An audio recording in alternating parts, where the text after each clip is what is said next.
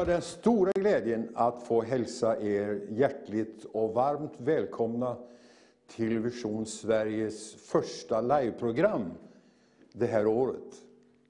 Tänk att få fira nyårsdagen på det här sättet och få dela välsignelser på olika sätt. Via etern, via internet, via TV. Vi har, som ni ser bakom mig här, en del trevliga gäster. Och det är ifrån, ska vi börja den här sidan, det är Sara och David Åström. Och så är det Jonas, nej, Thomas menar jag. Thomas Jonsson. Ja. Och så är det Hans Weissbrott. Och så är det Per Per Cedergård. Det är den grupp som vi ska möta här ikväll. Och eh, vi ska lyssna till deras predikan och vittnesbörd och vi ska ha mycket sång och musik. Och flera olika inslag ska vi ha också när det gäller vittnesbörd ifrån, ifrån andra håll, ifrån ungdomar också, som är med oss då på, via video. Men som sagt var, känn dig riktigt varmt välkommen här ikväll. Vi tror att eh, TV har en stor betydelse och speciellt kristen TV. Eller ska jag säga TV med kristet innehåll och kristet budskap. Vi ska nu be att eh, våra vänner Åström går och tar plats vid eh, instrumentet. Och eh, bröderna får gå och vila sig lite grann här. För vi ska köra hårt med dem nu här ikväll. Och vi ska ha en enkel och my, vad heter det? Inte myskväll, utan gemytlig kväll tänkte jag. Det är så stort att få räkna med Gud i alla livets förhållanden och att få börja den här, det här året på det här sättet. Glädje. Ja, då säger vi välkommen till eh, vår första sång, till eh, Sara och David som sjunger för oss en sång till att börja med. Varsågoda. Tack Sara och David, väldigt fint. Vi ska lyssna strax till en ny sång. Men jag skulle vilja säga något om just det här programmet ikväll. Syftet med det här programmet, det är att kunna nå människor som är okunniga om vad Gud har för plan med deras liv. Väldigt många människor är vilsna och många tror inte på Gud. Men hur ska de få tro på Gud? Jo, tron kommer, står det. Tron, den kommer. Hur kommer tron? Och Bibeln säger att tron kommer av predikan och predikan i kraft av Kristi ord. Vi med den här kanalen Mission Sverige vill nå just de människor som behöver höra evangelium. Det är det som är syftet.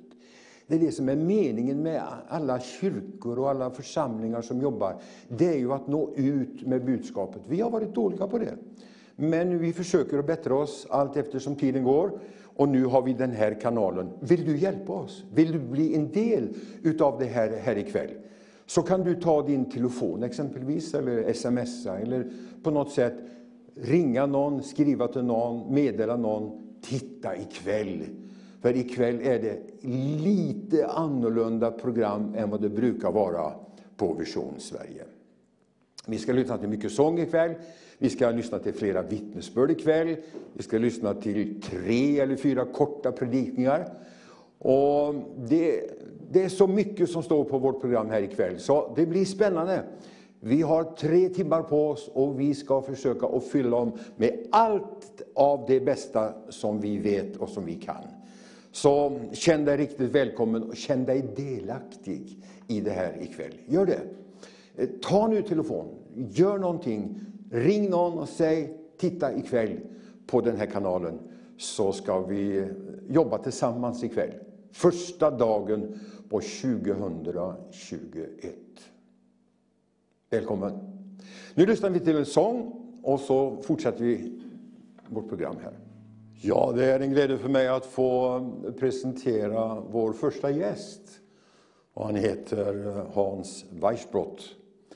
Och du kommer ifrån, var bor du nu för tiden förresten? Jag bor i Mölndal, så jag har inte haft lång väg hit inte. Du har inte lång väg? Nej. Har du alltid bott i Mölndal? Nej, nu har vi bott eh, här i Göteborg, Mölndal, sedan 1995. Ja. Eh, Men kommer från många platser, bott i USA en del och eh, uppvuxen mycket, uppvuxen mycket i Västerås. Okej. Ja, det låter intressant. Du är präst i Svenska kyrkan Jajamän. och jobbar som det är nu eller eh, predikar du Ja, någonstans nu för tiden? jag, jag jobbar som en av ledarna för något som heter Oasrörelsen, Mm. som är en förnyelserörelse inom Svenska kyrkan eh, med stor ekumenisk öppenhet. Det är med karismatisk betoning kan man säga. Ja, en karismatisk förnyelserörelse, betoning på ja, klassisk kristen tro kan man säga. Ja, just det. Du själv, har du alltid varit troende? Nej, jag är inte uppvuxen i en kristen familj, även om eh, faktiskt båda mina föräldrar har tagit emot Jesus efterhand. Eh, utan den kristna tron wow, ramlade in i mitt liv mm, som tonåring kan man säga. Jaha. Eh, I all korthet, hur gick det till? Det började med min storebror, att han eh, konfirmationsläste, eh, läste en gång i veckan. Och eh, han gick ett helt år och valde att tacka nej. Eh, han kom hem till mina föräldrar och gjorde dem besvikna och sa att han eh, tänkte inte konfirmera sig. Nej. Eh, och Varför det då? Ja, han, han på ett sätt, jag tycker det var tragiskt att han tackade nej. Ja. Det skulle förändras faktiskt senare i hans liv. Ja. Men det jag kan respektera är att han insåg att den kristna tron har ett sanningsanspråk. Alltså någonting att säga ja eller säga nej till. Eh, sen valde han tyvärr då att tacka nej till det. Okej. Och då, sen då, tre år senare var det dags för lille Hans, det är jag. Och eh, då eh, valde mina föräldrar att försöka göra någonting annorlunda. Eh, de var inte aktivt kristna vid den tiden heller, men de ville på något sätt att det skulle bli konfirmationen då. De skulle lura in dig på något sätt. Så att du inte Precis. sa nej som brorsan gjorde. Eller hur? Ja, Exakt. Och min brorsa hade ju preppat mig lite grann med att liksom, det här inte stämmer och sådär. Ja. Så de skickade mig till ett läger. Fyra veckors läger eh, uppe på Stiftsgården i Rättvik. Eh, och jag kom inte till tro de fyra veckorna. Jag diskuterade väldigt mycket, precis som min storebror. Eh, höll på att driva ledarna till vansinne ibland. Eh, ifrågasatte allt egentligen. Och var hela tiden med med den här frågan, är det sant? Ja. Och jag förstod någonstans väldigt tidigt, redan som 14-åring, eh, innan jag trodde, att antingen är den kristna tron och allt Bibeln säger om Jesus 100% sant. Och då är han Gud och människa på samma gång. Då är han stöd på korset, försoningsdöden för hela mänskligheten, alla som vill ta emot förlåtelse. Då är han i himlen just nu, då kommer han komma tillbaka till den här jorden. Då är han herre över liv och död. Antingen är allt om Jesus sant, eller inget. Eh, Och eh, det ledde mig på en eh, ganska mödosam men extremt spännande resa på ett par år. Med hundratals diskussioner med folk från alla möjliga olika läger. Eh, Och till slut, mer och mer, så förstod jag att Jesus är mer verklig än jag. Så det där lägret du gick på, det var liksom grundläggande Ja. på något sätt Ja. i din vidare tankegång? Det var verkligen starten. Vad skedde efter lägret sen? Då Gick du till kyrkan eller hur diskuterade du med troende människor? Ja, jag diskuterade, jag diskuterade med troende människor, så intog jag positionen att det här inte är sant. Ja, ja. Då ställde jag mig i ringhörnet. Ja. Eh, och, och med de som inte trodde, till exempel min storebror. Vi hade stora slag om Guds existens på hans vind om nätterna. Han trodde då? Nej, inte. Inte? Nej, vi hade slag om Guds existens där Och han du inte trodde inte? Eh, Nej, fast då med, med de som inte trodde satte jag mig, ställde jag mig i ringhörnet av att tro. Okej. Och så höll jag på så här ett par år. Ja. Det är lite lätt förvirrande. Men, Nej, men eh, det var mitt sätt att testa. Ja. Och efterhand så förstod jag mer och mer. Och, och, och inte minst också att jag förnam mer och mer att Jesus var där. Att den kristna tron höll intellektuellt, rationellt men även erfarenhetsmässigt. Eh, Men det tog ett par år. Men det är ju ganska så spännande att eh, lägga märke till att eh, även om dina föräldrar då inte var direkt troende på det sättet, de ville att ni skulle bli det, eller få den grunden.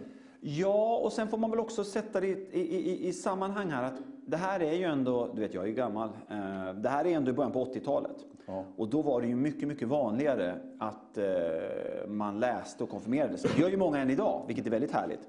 Men det är ju, var ju många fler då. Då var på något sätt det det normala. Och det tyckte liksom mina föräldrar, och väldigt många på den tiden, som en hel del tycker idag, men ännu fler då, att det liksom hör till, man ska konfirmera sig. Och det gjorde du? Jajamän, det gjorde jag. Fast vid konfirmationen var jag inte alls säker på vad jag trodde. Men, men eh, jag, jag på något sätt eh, kände att, att jag måste få svar på frågan om det här är sant. När under den tidsperioden då, när du kom fram till, du kom fram till ett beslut, Ja. Eh, Jag kom fram till ett beslut. hur gjorde du då? Då För- böjde jag knä. För det är ju många människor nu som, som, eh, som lyssnar och som Ja. tittar här ikväll. Hur gör man då när man kommer fram till ett beslut? Hur gör man? Alltså, det jag gjorde var att eh, jag böjde knä, det måste man inte göra, men, men jag böjde Nej. knä i mitt rum och överlämnade mig till Jesus, bad om förlåtelse för min synd och, och, och verkligen uttryckte till honom att jag vill tro, jag vill vara din lärjunge. Eh, Den stunden var väldigt stillsam. Nästan irriterande stillsam. Men det blev väldigt tydligt i mitt liv på tusen olika sätt efter den dagen att någonting hade förändrats. Jag hade till exempel en dröm. Du upplevde det? Ja, visst, på många olika sätt. Jag hade en dröm som är ett av mitt livs starkaste drömmar. Där det var som att ondskan var ute efter mig. Det har jag aldrig drömt om vare sig före eller efteråt. Bara en enda natt, precis när jag lämnade mig till Jesus. Att ondskan var ute efter mig, men kunde inte nå mig längre. Det var som, som, som det var ett galler för där Jesus hade satt upp ett beskydd. Starkt. Och sen så började du gå på gudstjänster eller? Ja, absolut. Jag satte igång för fulla muggar. Det gjorde jag egentligen redan innan, för det var ett sätt att söka också, att befinna mig i kristna sammanhang. Så det skulle jag vilja rekommendera. Så söker du, eh, vet du ännu inte om kristen tro stämmer, släpp inte taget om det. Det är den viktigaste frågan i ditt liv. Håll tag i Jesu hand och gå till kyrkan, gå till församlingen, diskutera med de kristna, ställ alla frågor. Eh, Och, och, och är du inte nöjd med svaret, så bara ställ en ny fråga. Diskutera, argumentera. Jesus håller för det. Så klokt. Och Det, ska du få, det ska du få tala lite mer om sen här. Ja. Men eh, en sak till när det gäller själva uppgiften, livsuppgiften som tydligen blev prästuppgiften. Ja, till min chock, till min chock. Ja. Ja, det hade du kanske inte drömt om? Absolut inte. Nej. Hur kom det sig? Ja, det var, jag tror det är Guds kallelse. Jag höll på att läsa teater i USA. Eh, hade stipendium och åkte runt och tävlade i teater i mellanvästern. Jag var för ung för att gå college, men hade fått stipendium och åkte runt och tävlade i mitten i USA i teater. Hade gjort det i, jag hade varit i USA två år, tävlat i teater ett år. På slutet av det året fick jag ett stort stipendium, men precis då ramlade bara in en kallelse. Min starkaste tilltal hittills i livet. Då upplevde Jesus bara sa till mig att jag skulle bli präst. Fantastiskt. Och så istället för att bli eh, entertainer, eller vad heter var skådespelare. Jag brukar säga så här, tänk ifall jag hade hållit fast vid skådespelarbanan. Jag hade kunnat bli en C-skådis som gjort reklam för tomatketchup i nordvästra hörnet av Montana. Vilken karriär! Ja, du har humor också, det tycker jag är trevligt. Men jag tror vi ska få en sång till Ja. och så ska du få Jajamän. predika här Yes. för oss. Så vi säger välkommen till Sara och David igen. Varsågoda. Jesus Kristus är världens mest kände person, mest omdiskuterade alla kategorier. Och eh, jag fick ju här i intervjun med Donald eh, säga något om det här att den viktigaste frågan om Jesus är frågan, är det sant? Och det finns så mycket som fascinerar med Jesus. En sak är att han utförde så mycket tecken, under och mirakler att till och med de som var emot honom skriver om hur mycket tecken, under och mirakler han gjorde. Alltså på andra ställen än i Bibeln. Det är bara det att de vill ge en annan förklaring eh, än att eh, det här har att göra med Gud. Så han levde ett liv som är känt i mänskligheten. Men det vi känner till allra mest, det är det som hände vid hans födelse och strax därinnan. Och det som hände, som vi tror, de sista tre, fyra åren av hans liv. För det var då han trädde fram och gjorde allt det här underbara som har gjort honom så oerhört känd. Det som är mindre omtalat, det är att 90 procent av Jesu liv levde han i det fördolda. Han växte upp i en liten by som jag ofta besökt, numera är det en stad. Men, men en liten by med kanske bara ett par hundra invånare som eh, hette Nasaret. Där levde han under 90 procent och som det verkar i det fördolda. Plötsligt flyttar han därifrån och så börjar allt det här hända som gjort honom så känd. Och ryktet om honom gick ju ut. Inte bara till Israel, utan till tusentals och åter tusentals människor i områdena runt Israel. Och i den lilla byn Nasaret i norra Israel, där Jesus växte upp, där blev det snabbt naturligtvis omtalat att denne Jesus som växte upp mitt ibland dem, nu plötsligt gjort saker som ingen annan människa gjorde. I det läget väljer Jesus att komma tillbaka hem till sina egna. Han kommer hem igen till Nasaret.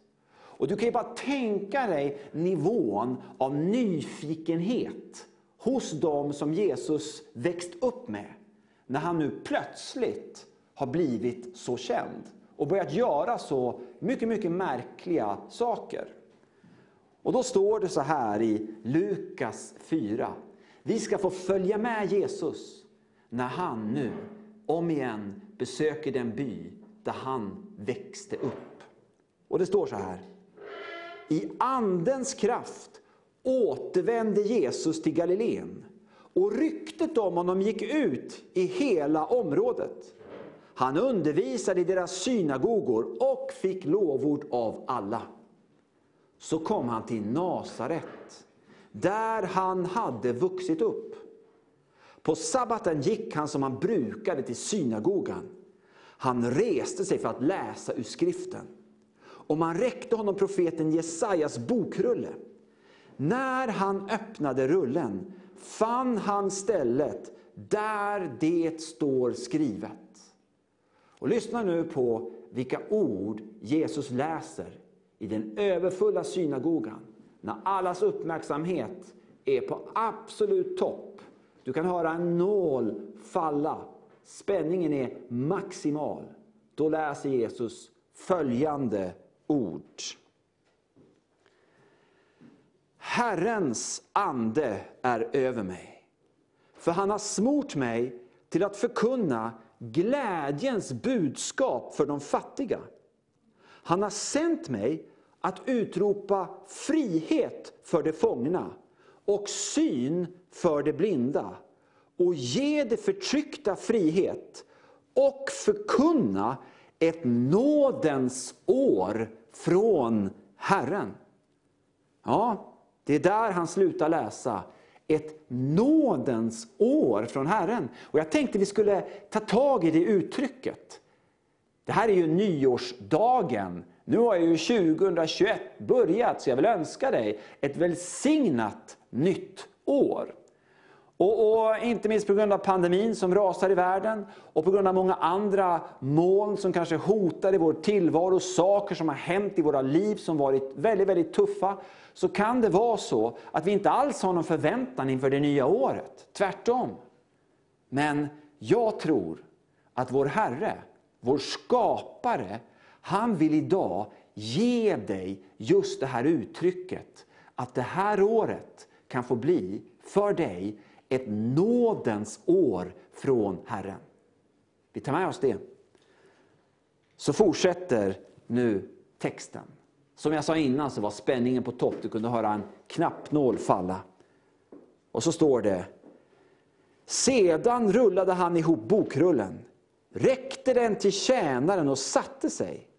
Alla i synagogan hade sina ögon fästa på honom. Nu undrar de, vad ska han säga? Och så kommer det. Då började han tala till dem. Idag har det här stället i skriften gått i uppfyllelse inför er som lyssnar. Vilket häpnadsväckande uttalande. Hörde du vad jag sa? Hörde du vad han läste? Han läste en profetia som handlade om Messias som var typ 700 år gammal. I 700 år hade man väntat och längtat efter att en dag ska det här uppfyllas. Nu sitter Jesus där. Spänningen är på topp för att han har redan börjat göra så mycket mirakler, tecken och under i byarna runt omkring. Och nu sitter han där, läser du det här och så säger han till dem, jag är han. Jag är Messias. För det är det han säger, fast bara med andra ord. Och det blir tumult i Nasaret. Det blir totalt kaos och det slutar med att Jesus lämnar byn, för det blir uppenbart att just hans egna just de som har växt upp med honom, eh, de klarade inte av att just då ta emot honom som Messias. Någonstans där brukar de flesta predikningar om Nasaret sluta. Nasaret och Nasaretsborna som växte upp med Jesus brukar ofta lyftas fram som de som missade tåget. De hopplösa, de misslyckade, de som missade chansen. Kanske känner du igen dig.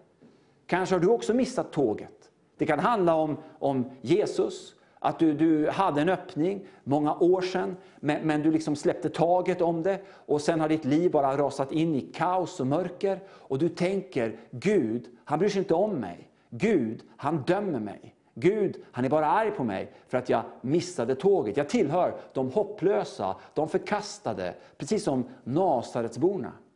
Men då kan jag tala om för dig, och vi kommer att komma tillbaks dit i den här predikan. Det slutade inte så för människorna i Nasaret. De fick en ny chans. En chans som många av dem tog. Och jag tror just idag så vill Herren för första gången, om du aldrig har öppnat dig och tänkt kring Jesus förut, eh, så vill han på något sätt genom sitt ord, genom förkunnelse och sång den här kvällen, så vill han hoppa in till dig där du är, i ditt hem. Komma med sitt ljus, komma med sin förlåtelse, komma med sin nåd. Eh, och är det så att du har missat tåget, så vill han tala om för dig att nu är han här igen. För att kalla dig igen. För att bjuda in dig till sig själv igen. Och eh, på vår resa nu, för att eh, titta på det här, och också lite grann fundera kring det här jag sa innan med ett nådens år från Herren på självaste nyårsdagen. Så gör vi en resa eh, cirka 700 år tillbaks i tiden. Och vi kommer till profeten Jesaja. Och jag ska läsa igen samma profetia som vi hörde om i Lukas evangelium som Jesus läste. Men nu läser vi den översatt direkt från hebreiska, så som den var i originalformatet. Och Jesus han läste säkerligen eh, profetian på hebreiska när han stod i Nasaret. Men vi får det på svenska så du kan vara lugn. Men så här står det i Jesaja 61. Herren Guds ande är över mig. För Herren har smort mig till att förkunna glädjens budskap för de ödmjuka. Han har sänt mig att förbinda dem som har förkrossade hjärtan, att utropa frihet för de fångna och befrielse för de bundna och förkunna ett nådens år från Herren. Jag tror du känner igen det här. Det är ju väldigt likt det som vi läste i Lukas evangelium, för han citerar ju då samma text. Men nu har vi den här direkt eh, från hebreiska till svenska. Och, man skulle kunna säga att den här texten som Jesus läser, eh, den är ett slags programförklaring. Där han talar om för oss, 2000 år senare, varför han kom till jorden. Han kom för att öppna våra ögon för det allra viktigaste i tillvaron. Han kom för att befria oss ur alla de fängelser vi sitter fast i. Och han kom också som det står i Jesaja, och jag älskar det här uttrycket. Lyssna. Förbinda dem som har förkrossade hjärtan. Vad är egentligen ett förkrossat hjärta? Vad, vad, vad betyder det för någonting? Eh, det låter kanske fromt och till och med gripande, poetiskt kanske. Men, men, men vad betyder det? Ja, det hebreiska ordet här som, som översätts förkrossat, det är ett hebreiskt ord som egentligen betyder Eh, att bryta sig in. Eh, första gången ordet används så handlar det om en dörr som man bryter sig in, eller vill bryta sig in igenom. Och det här ordet, det här uttrycket, ett förkrossat hjärta. Första gången som jag vet att det bads, det kan ha betts innan, men första gången som Bibeln verkar omnämna det, det är för 3000 år sedan alltså cirka 300 år innan den här profetian, då David, kung David kanske du talas om, då han har begått en fruktansvärd synd, faktiskt flera synder. Han har begått äktenskapsbrott och han har låtit mörda den kvinnans man som han har blivit kär i. Fruktansvärda, blodröda, nattsvarta synder. David, han vandrade med Gud.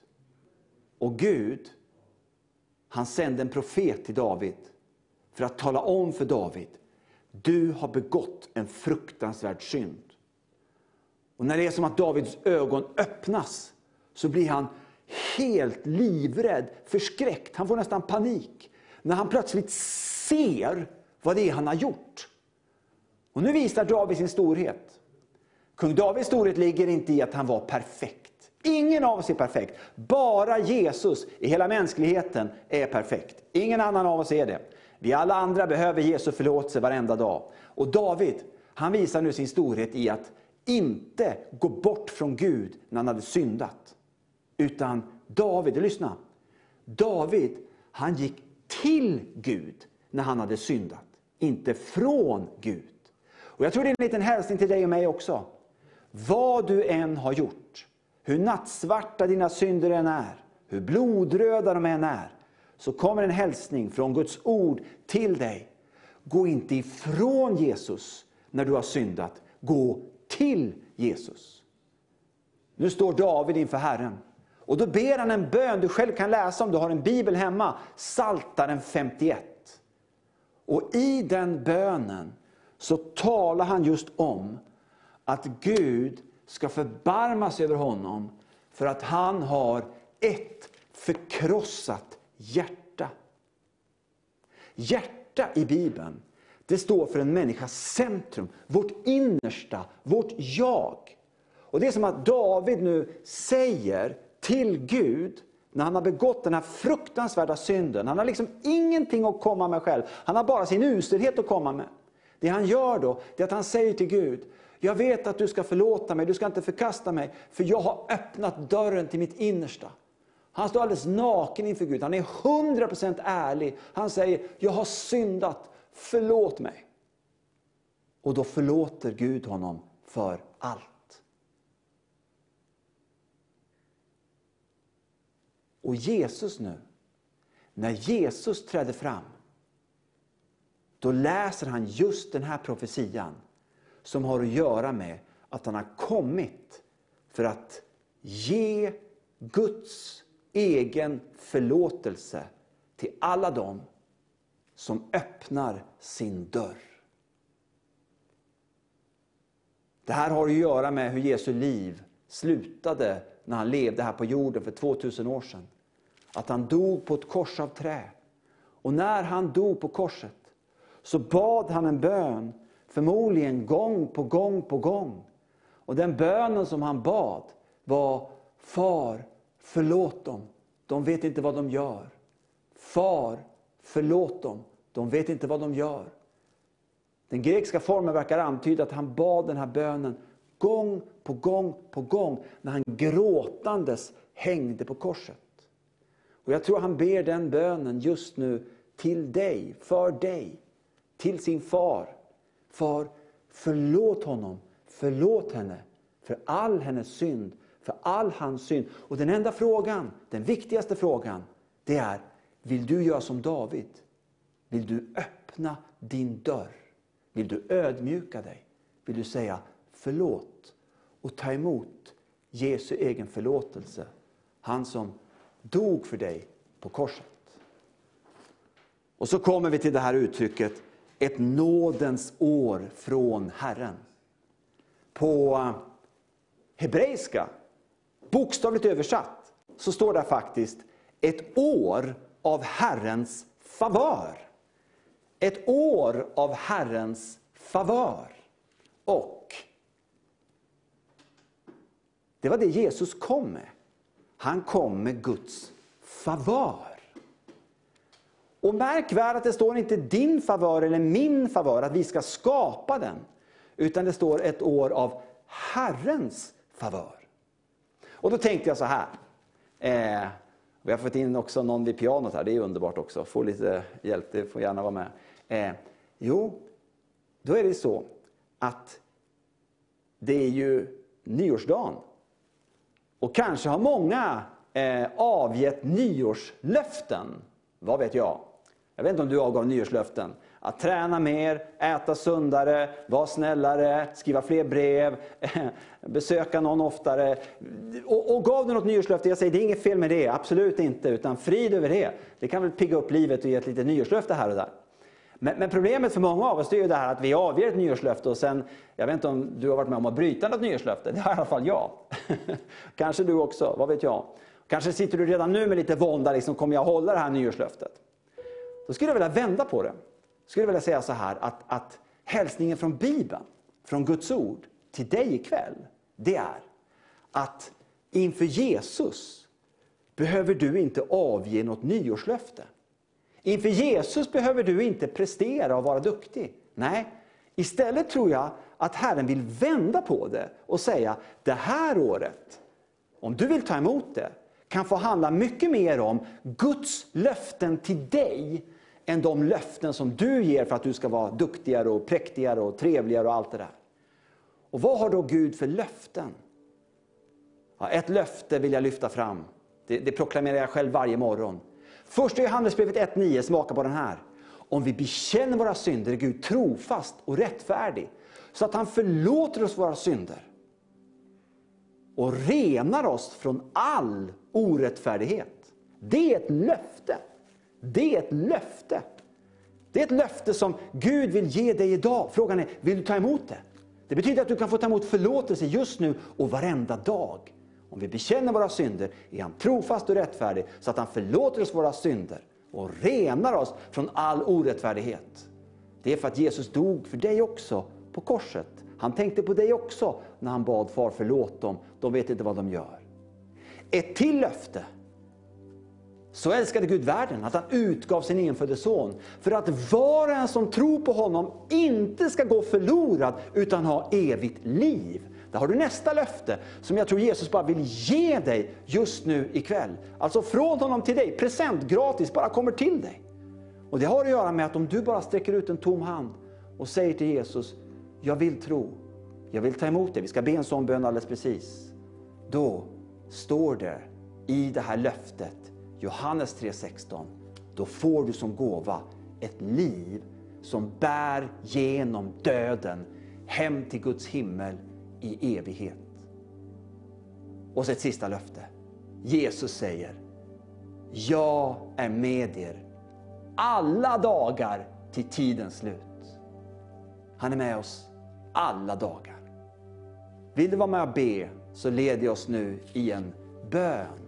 Och innan jag gör det vill jag bara tala om för dig att i Nasaret, Jakob som växte upp med Jesus, han fick ta emot Jesu förlåtelse efter uppståndelsen. Och när han sen sprang flämtande över bergen till Nasaret så startades en eld, en positiv eld.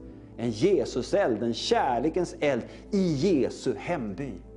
Jag kan se framför mig hur Jakob som hade växt upp med Jesus, del av hans familj, berättade om hur han hade blivit förlåten av Jesus. Jesus som uppstånden hade visat sig för honom. Och vet du, än idag, 2000 år senare, finns det kyrkor i Nasaret. Så tåget hade inte gått. Det var inte kört för Nasaretsborna och det är inte kört för dig. Nu ber vi. Vi lever i ett fritt land, du behöver inte be med mig. Men du som vill be med mig, du kan bara låta mina ord nu forma en bön i ditt hjärta. Vi ber. Jag kommer inför dig just nu, Gud, min skapare. Jag kommer med min stora tro eller min lilla tro. Jag kommer kanske med mina tvivel. Jag kommer med allt det som jag tackar för och som är härligt i livet. Jag kommer med allt som är smärtsamt och jobbigt. Jag kommer till dig nu, himmelske far.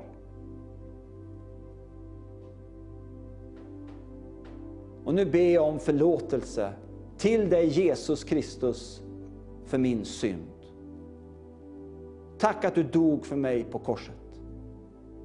Jag vill bli din lärjunge. Jag vill följa dig. Jag bekänner att du är Guds son, herrarnas Herre, konungarnas konung. Jag bekänner att du är Herre Jesus och just nu vill jag ta emot din förlåtelse, ditt eviga liv. Jag vill ta emot löftet att du är med mig alla dagar till tidens slut. Ja. Nu är vi, vi har ingen studioman här. Nej. Jag står tillsammans och pratar här med eh, Per Cedergård. Ja. Vi, vi eh, sa så här att, eh, kan man säga pensionerad pastor? Eller passionerad? Ja, jag brukar säga att jag är, blir inte pensionär, jag blir passionerad missionär. Ja, Men jag är pensionär. det är pensionär. Ja. Eh, När det gäller åldern så Ja. är det bara skillnaden att du får pengar från staten. Och Ja, det är inte så mycket heller. Nej, nej. Men det är salt i vällingen i alla fall. Ja. Eh, intressant att möta dig och eh, lyssna till ditt vittnesbörd här ikväll och din predikan. Men du har eh, växt upp i ett troende hem nu eller? Absolut, ända från början. Och eh, jag är tacksam för det. Ja, Det ger ju en väldigt stor grundtrygghet att få växa upp i ett kristet hem. ja, Både mamma och pappa var ansvariga och ledare i församlingen som vi tillhörde i Lerum. i Lerum. Ja. Inte långt ifrån Göteborg, nej. Nej, två Nej. mil.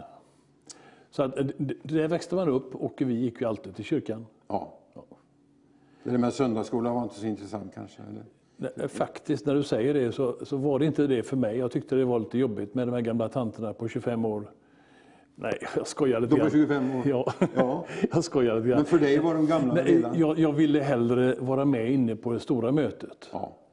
Eh, och jag kan minnas som barn, jag, jag ligger på bänken och jag räknar eh, takplattorna, men jag hör ändå predikan. Ja. Och, så att det var, eh, vi gick ju naturligtvis, jag och min bror, vi, vi, vi var ju på söndagsskolan naturligtvis, men, men det, var, det var inte något, satt inte något eh, riktigt eh, svar i mitt hjärta i det. Nej, Det- Men det kom ju det senare. kom ju senare. Ja. Det här med, just det här med att eh, söndagsskola, juniorer, är nummer två då i eh, rangen så att säga uppåt. ja, absolut. Hade ni det också? Absolut. Och eh, mina föräldrar var ju tonårsledare eller juniorledare Ja. på lägerverksamheten varje sommar. Så där var vi, jag och min bror med även när vi var barn. Var hade ni läger någonstans? Sjöviksgården eh, utanför Lerum. Sjöviksgården. Ja, det ligger alldeles vid Mjörn och det är ett fantastiskt ställe. Det vet jag, för jag var där på juniorläger. Ja, Och jag har en upplevelse där. Det var ett väldigt stämningsfullt så kallad kvällsmöte eller väckelsemöte. Vad man kallar. Det var inget märkvärdigt, men det var en atmosfär som gjorde det att man kände behov av att eh, ta ställning till absolut. Gud. Jag var ju bara ung i 12-13 års ålder.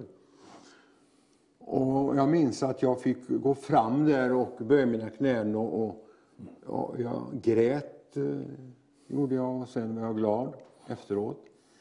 Och gick ner till en jättestor sten som låg vid sjön där nere. Och prisa Gud och tacka Gud i all min enkelhet. Sen eh, ungefär en 20 år därefter åkte jag tillbaka till Sjövik och tittade. Den här stenen hade krympt väldigt. Var ungefär som du och dina tanter på 25 år. Att eh, man, man upplevde det så väldigt stort. Ja. Nu hade hela gården krympt tyckte jag, men i alla fall var det samma gård. Men där gjorde jag min upplevelse. Och där bestämde du dig. Ja, det gjorde jag. Eh, På 60-talet var det faktiskt så att hundratals ungdomar blev frälsta, som vi säger. då. Man tar emot Jesus som Herre i sina liv. Ja. Och eh, det predikades inte mycket om det i församlingarna. Inte nu, nej. Inte, nej, inte då. Inte då heller. Inte i den missionsförsamling som vi tillhörde. Där predikade man inte om frälsningen. Men i lägret om det? Lägret var det hela tiden det som gällde. Vad var det som skillnad? Ja, det berodde ju säkert på Ledarna? ledarna och bibelundervisningen. Ja. Eh, Men, men jag vill inte kritisera det, utan det, det var ett fantastiskt skede under de här sommarmånaderna när massvis av ungdomar fick möta Gud. ja. Och, och för mig, det har hållit i 57-58 år och det, det, jag har inte tvivlat en enda dag. Nej, det är fantastiskt. Tänk vad det betyder egentligen att eh, man från unga år får kontakt med Gud på det Ja. sättet. Det är mycket lättare då. Ja, det är det. Man hinner inte samla på sig en massa ehm, olika tankar och, och tvivel och besvikelser utan man, man kommer in på något sätt i gemenskapen med Gud på ett tidigt stadium. Och sen växer man till i tron. Sen. Ja, det var, blev ju naturlig följd att man eh, var aktiv i församlingen. Ja. Eh, sen så växer man upp och vi, man flyttar till andra ställen och så vidare. Men, men man bär med sig denna personliga upplevelse av Jesus. Och, och eh, det är det som har burit genom mitt liv. Hur är det, känner du till någonting om ungdomsveckor, ungdomsläger nu för tiden? Finns de? Just, kanske inte i sommar, men för övrigt. Nej, nu det här året har ju, eller förra året har ju varit väldigt speciellt. Ja. Men eh, jag vet ju att eh, de inom Ekumenia-församlingarna har ju haft ungdomsläger på samma sätt, eh, my- mycket vinterläger, Ja. där också ungdomarna får en möjlighet att, att få uppleva Jesus på en väldigt starkt och nära sätt.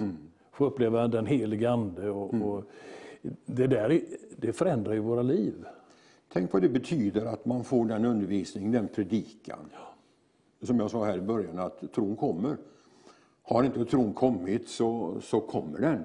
Det gör den. Så länge du lyssnar till vad folk säger just om Jesus och predikan. Det kommer ju tron och det är väldigt bra att man börjar som ung att uppleva det här. Ja, alla kommer ju att möta stormar och eh, mörka moln. Eh, Det, det tillhör ju livet. Men, men att få uppleva den här styrkan i tron redan som ung, det gör ju att, att man får en styrka genom de svåra passager av sitt liv. Ja. ja, det är ju väldigt, väldigt, väldigt viktigt. Vad hände sen när du... Hur var det i skolan sen? Fick de reda på att du var... du Ja. De visste att du tillhörde missionsförsamlingen Ja, jag har faktiskt eh, tittat igenom mitt liv där. Eh, Varje skolklass så har jag varit den enda som har varit kristen. Eh, Och jag har gått många år i skolan. Ja. Men eh, på något sätt har det varit en, en skolning också. Ja. Att, att vara, stå för sin tro.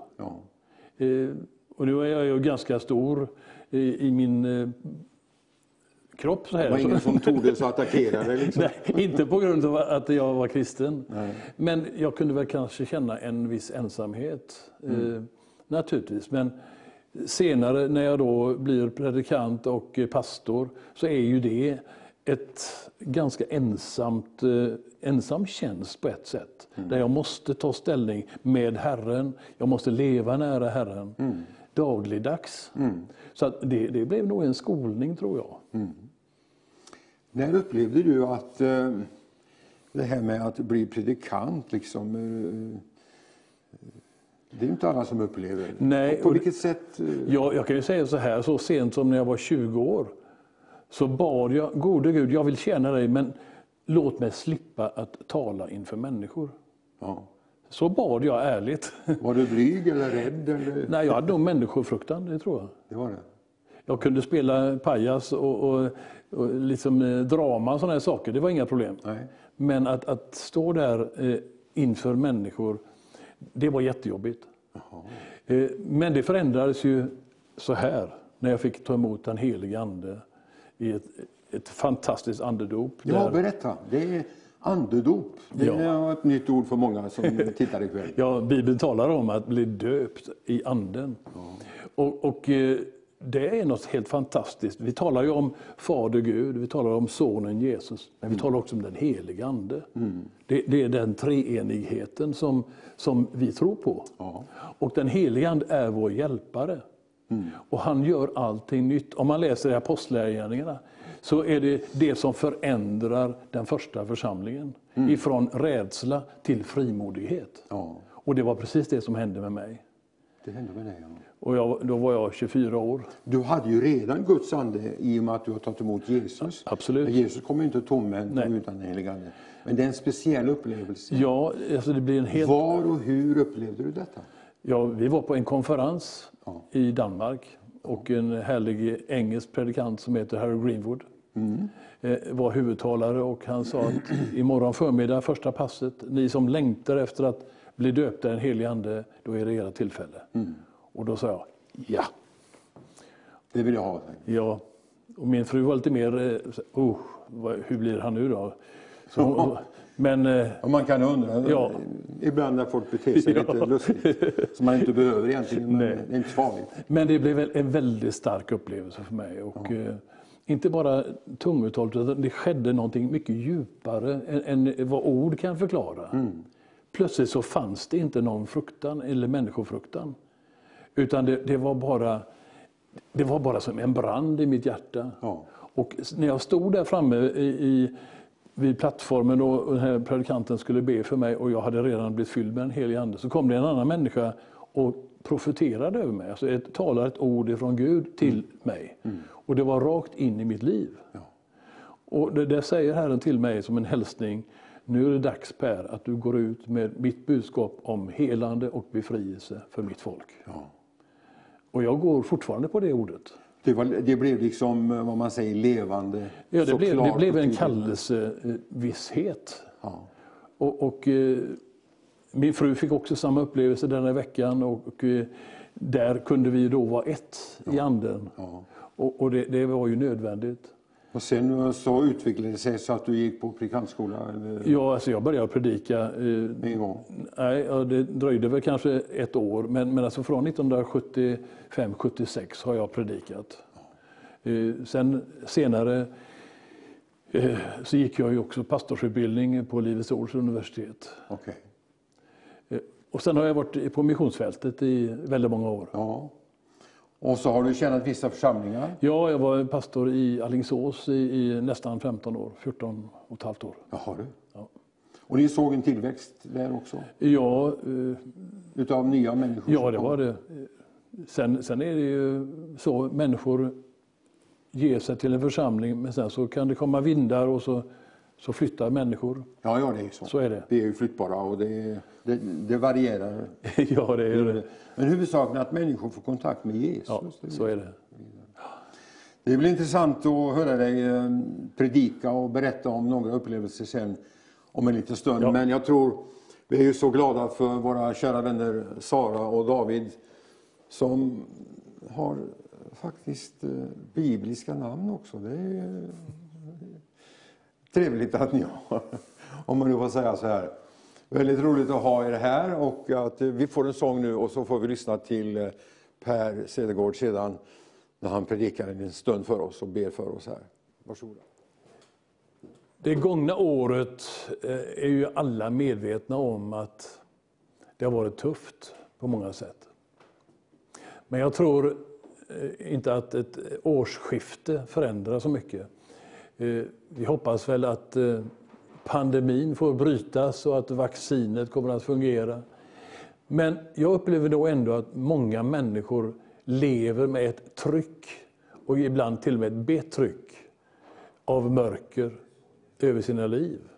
Och eh, jag skulle vilja dela lite grann om detta just. Att jag tror att mörker, fruktan, hopplöshet och ensamhet, det, det är som ett jättetungt ok som många människor går och bär på. Eh, nu, nu, eh, denna vackra sången om att Jesus är allt vi behöver. Det kan låta som en, eh, en lite enkel sak, men det är faktiskt så att möte, mitt personliga möte med Jesus, det kan förändra fullständigt allt. Hans Weissbrott predikade så härligt för en stund sedan här nu då, om att det finns nåd till förlåtelse. Det finns nåd till att bli omsluten av denna Guds kärlek. Och det personliga mötet med Herren, det förändrar allt. Mörker kan bli ljus. Fruktan kan istället vändas till frid. Hopplöshet kan bli hopp. En fylld med mening och en förväntan på att Gud ska vara med mig. Ensamhet kan vändas till gemenskap. Det temat för de här dagarna det är ju att ljuset är starkare än mörkret.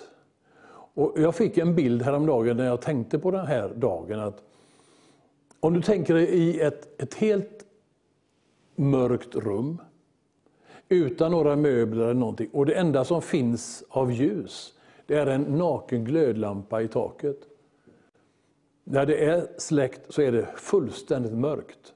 Men när du tänder denna lampan så försvinner allt mörker. Det finns inte ens en skugga. Och, och, Det är just det här att ljuset är starkare än mörkret. Jag vet inte vad det du kämpar med eller kämpar emot. Men det finns mycket mörker i den här världen. Och Det här sista året har ju varit väldigt jobbigt för många utav oss. Och De som har varit kämpigt med ensamhet förut har det, det accentuerats ännu mycket mer. Men det står i Guds ord i första Johannes brev, första kapitlet, femte versen, att Gud är ljus och inget mörker finns i honom. Och Det står också i Jakobs brev 1 att bara goda gåvor kommer ner från himlens Herre. Det finns ingen förändring av ljus eller mörker. Så Gud är ljus och han ger bara goda gåvor. De omständigheter som vi kan stå i, det är liksom inte en, en straffande Gud som, som orsakar detta. Utan det, det finns omständigheter som bara kommer i livet. Och bara för att man är kristen så är det inte allt som en dans på rosor. Jag begriper inte det uttrycket för det första. För om man dansar på rosor så finns det ju taggar. Men det är ett uttryck för att allting är, är bara bra. Men det som kommer ifrån Gud är bara bra. Jag har ju varit i tjänst och predikat i snart 45 år. Och De senaste 30 åren har jag varit mycket ute på missionsfältet. Jag har varit i över 40 länder och eh, fått se Gud göra väldigt mycket. Och jag kommer lite senare här att, att berätta några vittnesbörd om totalt hopplösa situationer. Där det inte finns någon naturlig lösning på det. Men där Gud har kommit och gripit in. Och Jag vill dela det som en inspiration till dig som kanske lider, kanske har varit sjuk länge, kanske har ständig smärta. Du kanske har fått ett läkarutlåtande om din situation där läkarna säger vi kan tyvärr inte hjälpa dig i den här situationen. Jag vill komma med hopp där det finns förtvivlan. Jag vill komma med ljus där det finns mörker för, för i din situation. Det finns många situationer som, som vill trycka ner oss. Men det finns också ett hopp. Men om, du, om det finns ett hopp utan en förväntan att Gud ska hjälpa eller svara, då är det egentligen inget hopp. Då är det mer hopplöshet. Men ett hopp på Guds löften, då innebär det att jag förväntar att Gud kommer att svara. Han kanske inte alltid svarar så som du och jag skulle önska, men han vet det som är det bästa för mig. Och då, Det är det som är tro, att man håller fast vid och förtröstar på Herren. För mig är, är bibelordet, Guds ord, det är det viktigaste rättesnöre jag har. Jag behöver vara i Guds ord dagligdags. Och jag, jag har läst min bibel, eller mina biblar alla dessa år. Och plötsligt så läser man ett, ett bibelställe som man har läst hundratals gånger, kanske tusentals gånger. Och så plötsligt så stiger texten upp på ett helt nytt sätt. Och Gud talar genom sitt ord. Och då, då bygger jag min tro. Det är ingen prestation från min sida, utan Herren är med mig. Han bygger mitt liv. Han hjälper mig. Han leder mig på rätt väg. Det finns ju saker och ting i mitt liv som behöver formas om. Och jag är långt ifrån färdig, omformad om man kan uttrycka mig så. Jag är inte perfekt och jag har inte träffat så många perfekta människor. Men, men däremot, Herren är perfekt. Han vill hjälpa mig. Han vill hjälpa dig. Han älskar mig trots alla mina fel och brister. Han uttrycker det väldigt starkt i Matteus 11 och 28. Där säger Guds ord, kom till mig, alla ni som är betryckta och böjda under omständigheter, så skall jag ge er vila. Kom till mig. Det är som att Jesus står framför dig just nu med utsträckta händer. Kom till mig. Kom till mig så ska jag visa dig en väg. Kom till mig, låt mig ta hand om dina problem. Om du har saker som behöver bekännas, så kom och bekänn och jag ska ge dig frid. För Herren är den som kan förlåta synder. Herren är den som kan upprätta det som har varit skadat i mitt liv. Sårat sedan många år kanske. Jag kanske går med en trasig själ. För någonting har hänt under min livsresa där, där jag har blivit både besviken och kanske bitter. Människor kan göra oss skada. Men det finns en väg ut ur detta. Och det är där, där ditt personliga möte med Jesus kan totalt förändra din situation. Och när jag är villig att förlåta andra människor vad de har gjort emot mig, så kommer Gud att förlåta alla mina brister, allt det jag har gjort fel. Men det där är viktigt, att vi, vi ser att jag har en roll att kunna förlåta andra som har gjort fel emot mig. Det kan göra ont ibland. Och ibland kan man behöva hjälp för att kunna förlåta. Men det är del av det som är upprättelse och helande i mitt liv, i min själ. Jag tänker mycket på dig som eh, är sjuk, har någon form av kronisk åkomma eller har smärta i din kropp. De senaste 45 åren så har jag varit väldigt mycket fokuserad att be för människor som lider av olika eh, situationer och sjukdomar. I alla de här länderna jag har besökt har jag fått se hur Gud gör under och tecken. När Jesus gick här på jorden så botade han alla som kom till honom. Det har jag inte sett eh, idag. Men jag har sett tusentals bli helade, jag har sett mirakler. Det eh, finns ingen förklaring, men Gud gör under idag. Jag vill bara eh, inspirera dig. Och jag vill ta eh, ett vittnesbörd först från Ukraina. Där kom jag till ett möte där det kanske var 500 människor i, i den här kyrkan. Och vi skulle börja betjäna människor. Men då säger Herren till mig att här finns det en kvinna som är 50 år gammal, som har hål i sitt hjärta och jag vill bota henne. Eh, det kanske låter konstigt för dig, men, men Bibeln förklarar det som att det är en, en helig andes gåva, eh, ett kunskapens ord, att så här är det i en situation. Och, och det kan förstärka det Gud vill göra. Så jag, jag säger detta mitt i den här stora samlingen att du är här och du är 50 år gammal och du har hål i ditt hjärta men Herren vill bota dig. Längst bak i lokalen så reser en kvinna upp sin hand. Och jag ber henne komma fram eh, så vi fick be för henne. Och under tiden hon eh, tar sig fram i kyrkan här så säger Herren en sak till. Han säger att hon har opererats alldeles nyligen men läkarna misslyckades. Så med tolkens hjälp fick jag fråga den här kvinnan, ursäkta mig, men har, har, har du haft en operation nyligen? Ja, hon nickar. Kunde läkarna hjälpa dig? Nej. Det där hjälpte ju inte henne, men det hjälpte mig att förstå att Gud har planerat ett mirakel. Och vi ber för henne där framme och eh, det kändes som att det var en brottningskamp på, på liv och död. Att 50 år har lidit av ett hål i hjärtat, det gör ju att man är väldigt svag och, och man orkar inte mycket. Eh, när man betjänar en människa så i förbön, så är det inte alltid, man, i det här fallet så såg jag ju ingen skillnad efteråt. Och vi ber för massor av människor i det här mötet senare, men sen åker jag hem.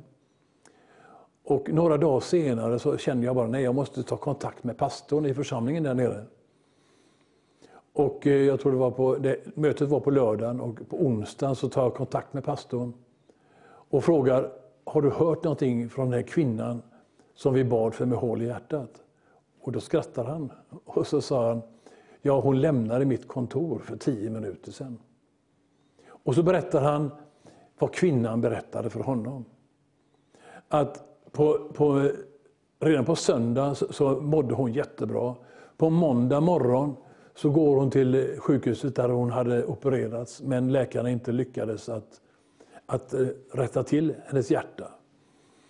Och hon går alla våningar upp och ber att få prata med kirurgen. Och eh, han blev så intresserad att få höra henne eh, så att han, han pratade med henne. Och då, då så säger hon, doktor, jag skulle vilja att du bara undersöker mitt hjärta för att jag är hel. Jag, jag har fått ny kraft igen. Och då säger läkaren så här, min vän, du vet att jag försökte under många timmar men jag kunde inte komma åt där bak i hjärtat.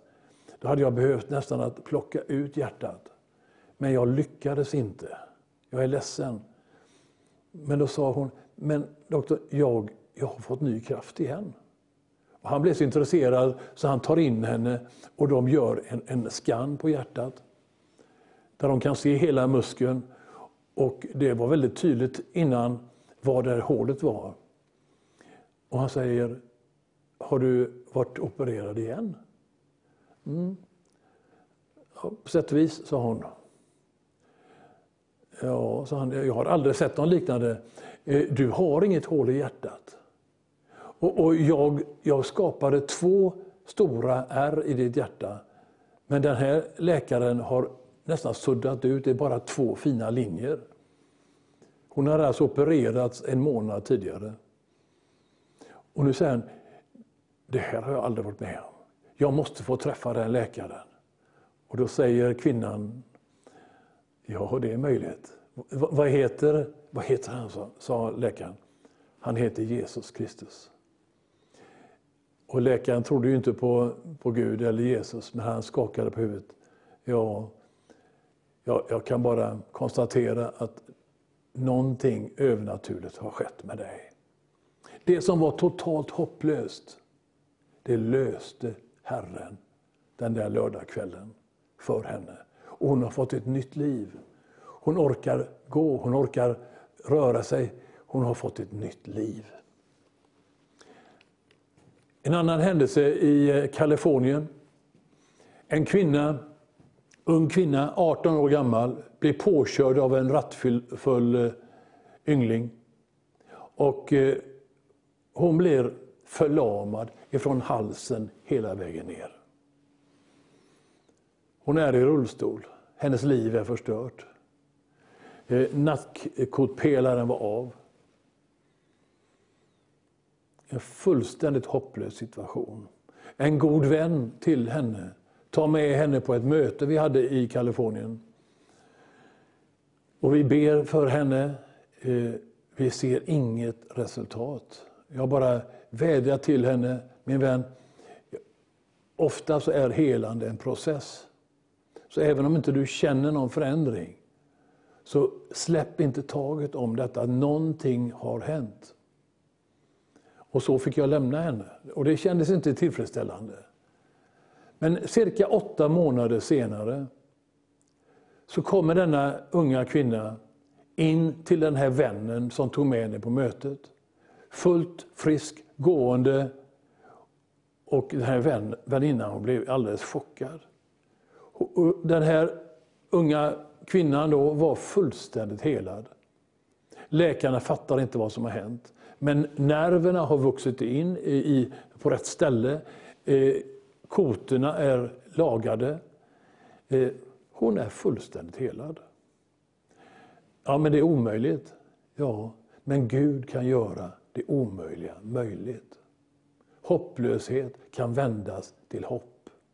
Mörker kan vändas till ljus. Nu går vi till ett annat land, Indien.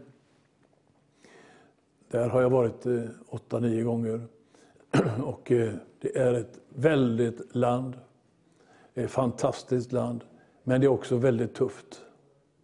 Eh, jag fick undervisa i en eh, bibelskola undervisa om helande. Och eh, när vi var klara med denna dagens undervisning så, så bultade det på dörren. Och jag ber någon av eleverna att öppna.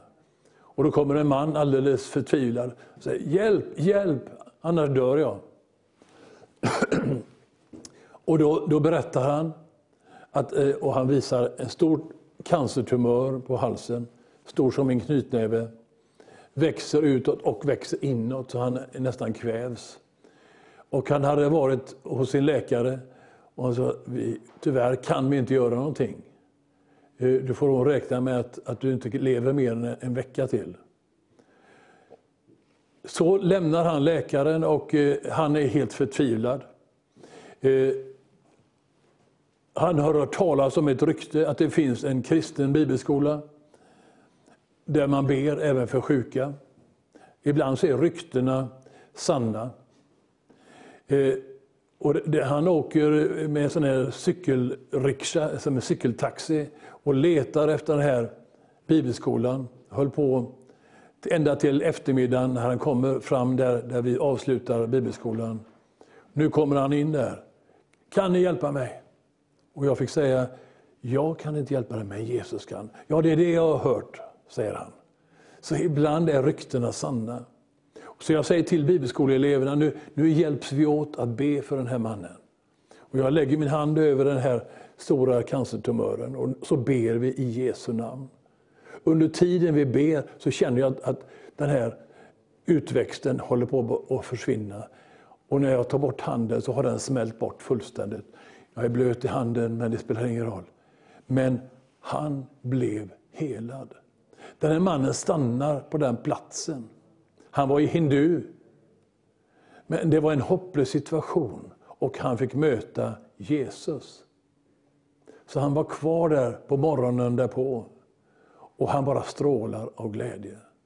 Han fick möta den store läkaren Jesus Kristus. Ibland möter vi hopplösa situationer. Men ibland så finns det bara en övernaturlig väg. I Spanien så mötte jag i Madrid en man som eh, hade jobbat ute på en fruktodling i 20 år. Han var helt förstörd i sin, i sin hud. Han hade malignt melanom. Eh, huden var alldeles svart. Och det gjorde väldigt ont. Vi bad för honom på, på söndag förmiddagsmötet. Eh, och sen efter mötet kommer han fram. Alla de här stora fälten med, med svart skadad hud var då helt normalt. Så Herren botade honom ganska ögonblickligen. Det hopplösa kunde vändas till hopp. Men jag skulle kunna berätta många fler mirakler under, men jag vill be för dig just nu. Om du sitter där och du har ett problem, du har ett mörker, du har kanske en sjukdom där läkarna inte kan ge dig någon hjälp. Jag skulle bara vilja vädja till dig just nu. Lägg din hand på din egen kropp. På ditt hjärta eller på den plats där du, om du kan göra det, där du har smärta eller värk. Så ska vi be tillsammans. Jesus, jag tackar dig att du är den store läkaren. Jag tackar dig att du just nu, Herre, rör vid människor i det här landet, varhelst den här, eh, det här programmet nu sänds. Jag bara tackar att du låter din helande kraft just nu genomströmma människor. Upprättar och botar och justerar. Muskler, nerver, tumörer som försvinner i Jesu namn. Och vi tackar dig Herre för att ditt namn som är över alla andra namn just nu vidrör människor. Tack Herre. Tack att du hör bön. Och jag ber speciellt för någon som upplever att det är totalt hopplöst. Som inte känner någon närvaro av dig. Men jag ber dig Herre, just nu, omslut den personen. Jag tror, det, jag tror det är en kvinna. Omslut den personen med din kärlek på ett alldeles speciellt sätt. Tack Herre för att du hör våran bön. Amen. Gud välsigne dig, kära vän. Jesus är inte långt borta, han är nära. Amen. Ja, det är verkligen sant att Gud har omsorg om dig. Tack för den fina sången. Det är så att eh, vi har fått en ny gäst i studion. Vi ska snart uh, prata med honom. Men jag tänkte så här att eh, ni sitter och tittar nu kanske, det är mycket på TV, en nyårsdag, många blandade program och det här går ju Eh, i repris dagen efter på morgonen från klockan åtta och framöver. Så att eh, ni har möjlighet att se det och sen kan man ju se det på nätet som det heter. Man kan se det sedan om man går in i sin dator och tittar på Vision Sverige så kommer de här programmen i reprisen. Ja, de finns där. Eh, kanske inte just nu i mellandagarna men eh, efter så ligger de där i flera veckor, kanske månader, kanske ännu mera. Och tycker ni att de här programmen har ett värde för, för dig och för dina eh, grannar och vänner och släktingar och som, som du har ringt till och, och, så hör av dig till oss så vi får veta vad du tycker. Tycker du inte om det så får du säga det. Vi tål det. Tycker du om det så får du säga det också och vi blir inte högfärdiga. Men vi blir tacksamma till Gud att det finns reaktioner ute. Huvudsaken att vi vet att vi når någon som är där ute. Det är det som är avsikten med de här programmen. Och därför så vill vi gärna höra från dig och vill du stödja som sagt var ekonomiskt så finns det möjligheter. Ta det där telefonnumret och, och, och ring under tiden här ikväll. Vi har ännu en timme på oss med mera sång och mera vittnesbörd. Och nu har jag då min sida som ni har sett här, Thomas Jonsson. Var det så? Ja. ja. Och du kommer från? Kommer från, eh, ja, kommer från Göteborg, men... eh, Du är göteborgare, från, eh, född göteborgare? Eh, jag är Ungefär. göteborgare, nästan född. Nej, jag är inte, jag är, vi bodde nere i södra delen av Sverige ett år. Då råkade jag födas. Okej. Jag talar inte speciellt högt om det, men Nej, nej, men det behöver man inte heller, det är viktigt. Men eh, din bakgrund är Göteborg och Ja. sen eh, hade du kontakt med församling i Göteborg på din, din uppväxt här? nej, jag, jag kommer från ett helt okristet hem. Eh, jag brukar säga det att eh, den enda kristna som fanns i släkten, det var farfar som städade frimurarlogen. Det var så nära det kunde komma. Men eh, nej, så helt okristen bakgrund. Det var religiöst starkt. Ja. Städare på frimurarlogen. Ja. Men hur kom det sig att du från den här mörka bakgrunden kom in i ljuset så att säga? Det var faktiskt min storebror som eh, konfirmerade sig. Och kom hem och var eh, helt uppskrämd. För att då hade de gått igenom eh, liksom Uppenbarelseboken och profetierna liksom, om yttersta tiden. Jaha. Så han, han blev så, så skraj av detta, så han blev liksom kristen där. Det var liksom, han blev inte frälst genom de glada nyheterna, han blev mer frälst genom... att- Jo, men det är men, bra, men, det är där bra. drog han med mig då till kyrkans ungdom i Torslanda. I, eh, Ja. Men just detta att man eh, väcks över dessa allvarliga ting. Att man blir skrämd. Jag tycker det är bra.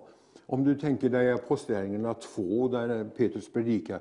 De kände ju smärta i sitt hjärta på en vis. De kände stygn i hjärtat. Det, det, var, va? Jag menar, det, det ledde till någonting. Och sen? Ja, och sen så eh, hade jag en, eh, en tid då man ja, var väl lite, kanske inte sådär jättestabil i sin tro. Eh, Så det gick lite fram och tillbaka, var ute i världen och härjade lite grann. Men så fick jag möta Gud på ett jättestarkt sätt runt 89 någon gång. Och, ja, och så sen började jag predika 91. Så, att, så det i, i år då, 2021, så är det 50 år sedan. Jag började predika. Säger du det? Så det där i Eller ungdomen. 30 år Ja. sen. Eh, Det där med ungdomen och tonåren och det här, det är mycket som lockar i den här världen. Men att en kille som du då växer upp i ett hem där du kallar eh, icke-kristet, eh, inget religiöst inflytande, inget kyrkobesök. Julen, eh, var det aldrig snack om Jesus i julen? Eller sånt? Nej, nej. Nej, aldrig sånt. Och ingen söndagsskola eller någonting. Nej, alltså jag gick väl själv på någon söndagsskola vid något tillfälle där vi bodde så hade Smyrnakyrkan ett litet kapell i Torslanda. Så dit gick vi någon gång sådär Mm. några gånger mer på eget bevåg. Men det var ingenting som familjen eller någonting. De tvingade inte. Nej. Nej. Men där eh, såddes du i, jag menar, det sås ju in Mm. tankar och man gör värderingar på vad man hör. Ja. Ja, men jag har tänkt på det. Eh, när det gäller min uppväxt och, och, och eh, när jag var tonåring så jag hade aldrig någonting emot Gud eller emot tro. Eh, så att jag hade aldrig tagit ställning så. Eh, utan, eh, och jag, jag tror lite grann sådär att evigheten bor i människors hjärtan. Mm. Eh, jag tror inte att det finns någonting egentligen som heter ateist. Därför att om du gräver tillräckligt djupt så, så kommer du snart ner till kärnan där varje människa på något sätt har ett hål, det fattas någonting eh, som inte världen eller någonting annat kan uppfylla. Så jag tror att det handlar mer om att trycka på rätt knappar och nå in eh, på, på rätt ställe in i människor så, så finns alltid det där. där. Ja. Det står ju den som söker, han finner. Så du hade en tid då du liksom sökte då. Vad var det som fick dig att avgöra så här? Kan du berätta när du bestämde dig? Det kan ju vara hjälp för någon annan. Ja, men jag har, två, jag har ju två tillfällen på ett sätt. För att jag, jag, jag upplevde ju verkligen att jag kom till tro. Jag, började, jag, jag erkände mig som kristen och allting genom Svenska kyrkan, när vi, i kyrkans ungdom och allting som vi gick till då under en period. Även om det inte fanns kanske någon riktig stabilitet och djup i det då. Men sen så fick jag ju ett annat tillfälle där jag verkligen fick möta Gud också på, på ett personligt plan. Och det är klart, där vände mitt liv på ett annat sätt. Det, där fick ju relationen och vandringen en helt ny eh, eh, tillfälle. Eh, ny, ja, det blev på riktigt på något sätt. Hur gick det till? Nej, jag blev medtagen. eh, Det var, det var, det var en, en, en väckelsekampanj som var på Heden i Göteborg. Ja. Och så gick vi dit, och, och, för det var en kompis som drog med oss. Så vi var ett gäng. Vi satt längst bak i tältet och så det satt lite kaxigt med benen upp och så vidare. Men när de började sjunga, jag hade aldrig sett lovsång på det sättet. Det hade inte vi på det sättet i, i, i, i kyrkans ungdom där. Nej. På det sättet. Men det var, direkt så kände jag igen anden. Jag kände det hakade fast någonting. Och Sen kvällen efter så gick jag dit därför att jag bara kände, och själv då. För jag kände att jag måste ha det här. Och jag kommer ihåg att jag bara satt och grät hela det mötet. Liksom. Och eh, gick fram på en, en, en, någon sorts eh, förbönsinbjudan de hade. Och, eh, Fick möta Gud där och också faktiskt andedopet kom där. Fast jag hade inte hade någon undervisning eller någonting. Om, visste ingenting om det. Nej, det var precis som de första kristna. De hade ingen aning om vad andedopet var de heller. Nej. Men Gud Ja. är intresserad av människor och var intresserad av dig. Och jag brukar säga så här att om inte du är intresserad av Gud så är Gud intresserad av dig. Han gör allt på något sätt för att, som han ledde dig nu i dina omständigheter och i kyrkan och allt det här, att du kom fram till den här upplevelsen. Och idag så är du pastor. Ja. Så att jag har hunnit med att vara missionär i Afrika och församlingsplanterare både i Sverige och utomlands. Och nu är jag i Skärhamn i församlingen Smedjan. Ja, Så att eh, och trivs väldigt bra med det. Vad roligt. Eh, Från det där andedopet och avgörelsen i tältet då sen så, vad hände sen? Växte det fram som en inre kallelse? Nej, det slog ner som ett, det var som ett, det var från dag till natt. Det var det? Ja, jag visste bara. Eh, Och eh, sen så hade jag där efter det så hade jag också en liten resa där jag brottades med Gud lite grann. Mm. Och då gjorde jag, var jag ute, jag tog ett dykinstruktörscertifikat. Då, och eh, när jag klarade det, de, jag, jag sa till Gud så här, och klarar jag detta, då, då ger jag det hela mitt liv. Ja. Eh, Och då tänkte jag inte bara på min frälsning utan då tänkte jag på mina händer och mina fötter. Liksom. Och eh, jag gjorde det och då gick jag, när jag gick ut ifrån, jag hade skrivit testet och allting och gick ut och visste att jag hade klarat det. Då gick jag ut utanför eh, dörrarna på det här stället vi var. Så böjde jag knä och så sa jag, från och med idag, då är jag 100% till dig. Och det roliga var eh, att från den stunden då öppnade sig bara, jag började åka in i Polen och då forna Sovjet och det var ju precis uppbrytningsuppbrottet där. Va? Och, eh, så det gick väldigt, väldigt fort. Så du började vittna i, eh, i utlandet så att säga? Ja, det var... Precis. Väldigt roligt att höra. Vilken fantastisk historia. Och nu är du i Smedjan. Säg någonting om Smedjan. Jag har aldrig hört en kyrka som kallar sig för en smedja. Men det ligger någonting i det. Men däremot så har du ju, som de säger på norsk, pottemakarens hus. Just det. Det vill säga Krukmakare. krukmakarens hus heter det på svenska. Nej, men det är ju så att det fanns en pingstkyrka i Skärhamn som hette Betel. Ja. eh, Som hade ett litet kapell långt uppe på ett berg som var väldigt svårt att hitta. Och eh, det var ett par människor som upplevde från flera håll, så som jag förstått det, och att, det eh, att det fanns ett hus mitt i Skärhamn som jag anser kanske bästa platsen i hela Skärhamn. Eh, Som en smed, en, en konstnär. Hade, han har arkitektritat det där huset. Det var en smedja, det var café, utställningssal något slag. Så hade han sitt boende i det också. Då. Och, eh, så de fick liksom ha till sig att det här, det här ska vi köpa. Och då var det så att de, han gick väl igenom något problem där, skilsmässa eller vad det var. Och, eh, och Gud bara öppnade den dörren. Det är ett fullständigt mirakel. Det var så många som ville ha den där lokalen. Va? Ja. Och, eh, och det är en fantastisk, och de byggde om den och det är, ja, den är fantastisk den kyrkan. En pingstkyrkan, eller pingstförsamlingen, fick tag på den och fick köpt den. Och när de, eftersom alla i hela Skärhamn kände till platsen som Smedjan Ja. så valde de att byta namn för att vara liksom lokalt förankrade. Och det är väldigt smart. Smedja, jag minns ju när jag var en liten grabb, det var en, en granne en bra bit ifrån oss som hade en smedja. Han hade byggt med stenar liksom som ett fort, ett litet fort, ett litet hus där han hade och trampade och det, det var eld och det var ja, som man gör i en smedja. Man, järnet i där och sen formar man det och då har man formation att göra. Det passar väldigt bra i en församling. Ja. Både med elden och formationen. Och Måste in i elden för att kunna formas. Det är, Men det är intressant, då, då kommer folk inte bara från Skärhamn utan eh, nej, vi har, från andra platser i Bohuslän.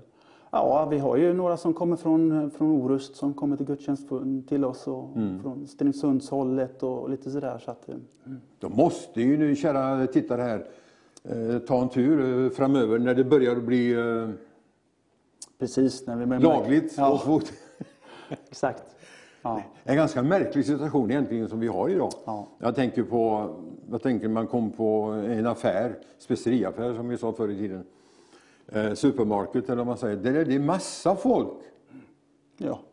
Men kyrkan får inte samla mellan åtta. Och inte ens biograferna och idrotten och allt står ju på huvudet. Det är ju märkligt. Men hur kan folk få trängas på shoppingcenter? Ja. Det är eh, lite konstigt, men vi ska vara försiktiga.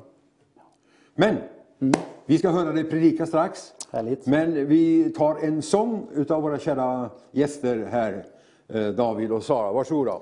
Först och främst vill jag verkligen bara säga god fortsättning till alla er som tittar. Och jag tror eh, Gud om en god fortsättning.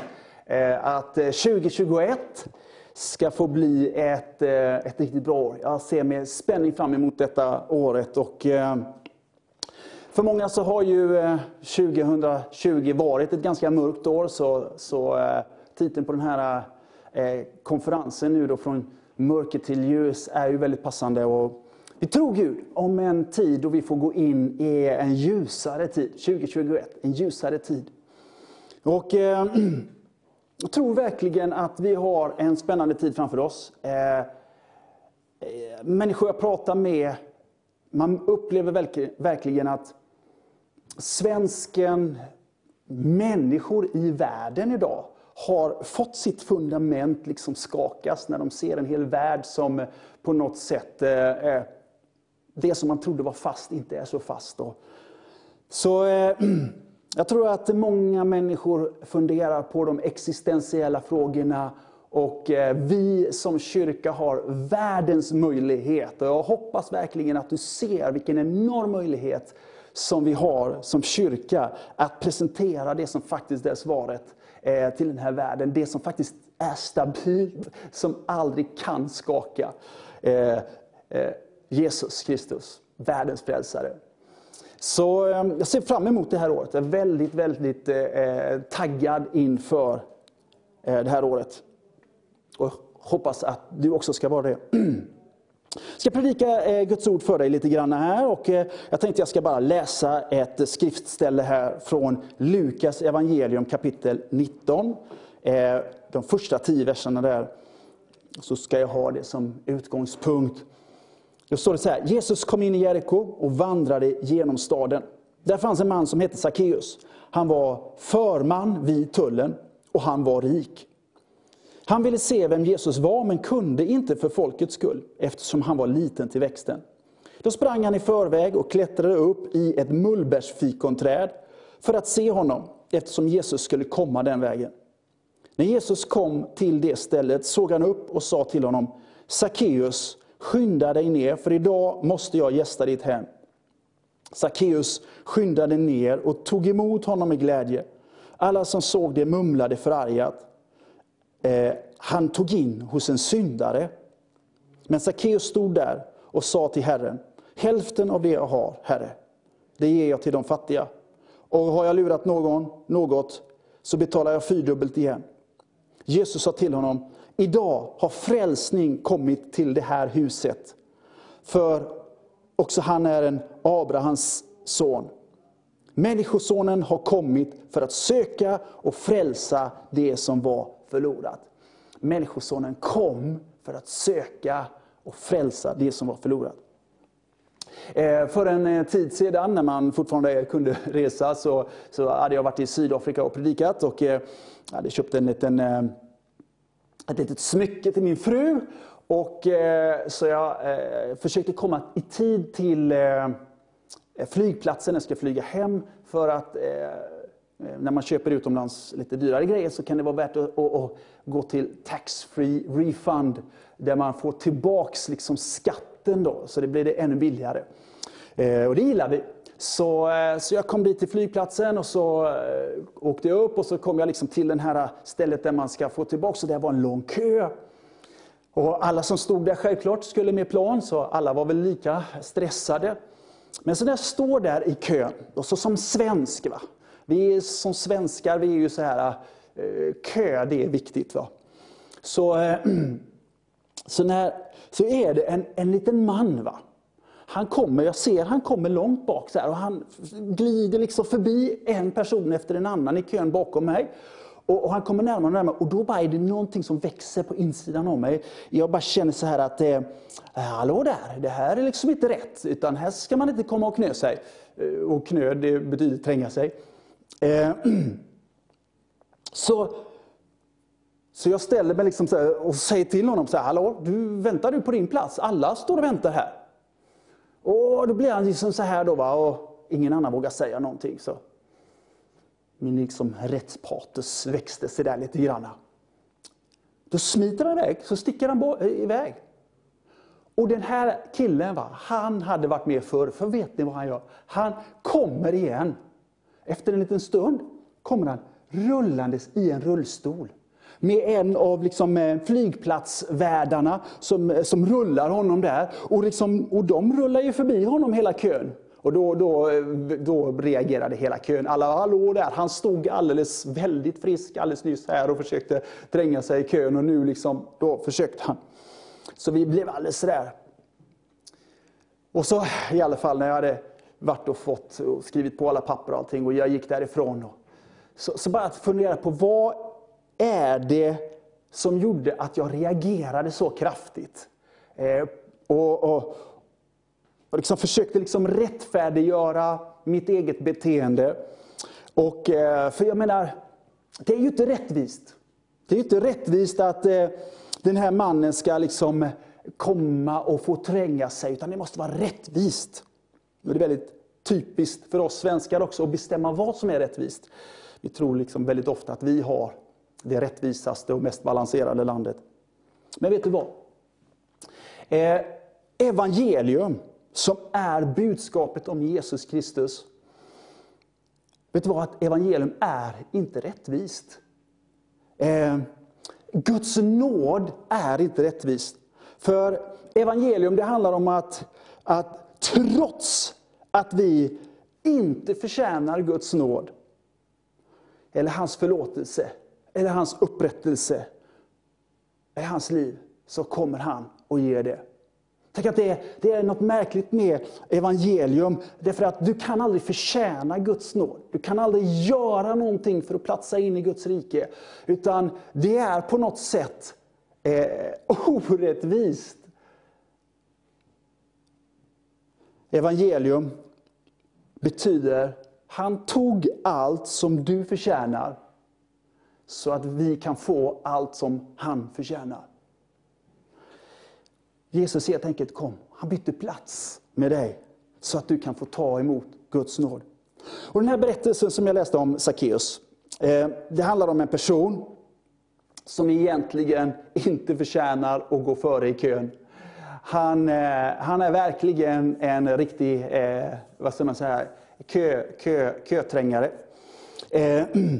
För, den här, för att verkligen förstå den här berättelsen så måste man också verkligen förstå vem den här Sackeus var. För att han var då alltså eh, chef på tullen. Det betyder att han är skatteindrivare åt den romerska ockupationsmakten. Eh, han var alltså den tidens maffia. Han var, han var en riktig skurk. Eh, en riktig gangster. Eh, för att han arbetade så att säga mot sitt eget folk för att sko sig på andra och bli rik. Jag får komma ihåg detta att romarriket det var den stora supermakten på den tiden. De hade liksom kommit in och med våld ockuperat landet, tagit över det. Eh, de gick in liksom och eh, våldtog och dödade och förstörde. Eh, de hängde upp människor på kors eh, ut med vägarna för att alla skulle veta att det här händer, det här är vad som händer er om ni liksom går emot oss som, som, som stormakt. Va? Så tänk er själva här, här har du det judiska folket och, och, och så kommer den här äh, stormakten och, och våldför sig och, och, och, bara kör över dem. Och så finns det människor då, som Sackeus, som väljer att liksom på något sätt sko sig, gå emot sitt eget folk och sko sig och bli rik på deras bekostnad. Liksom för den här romerska ockupationsmakten. Alltså jag tror att det är bra ibland att få den här bilden av hur människor såg på den här personen som hette Sackeus. Hur människor såg på honom. Alltså, han var ingen bra människa.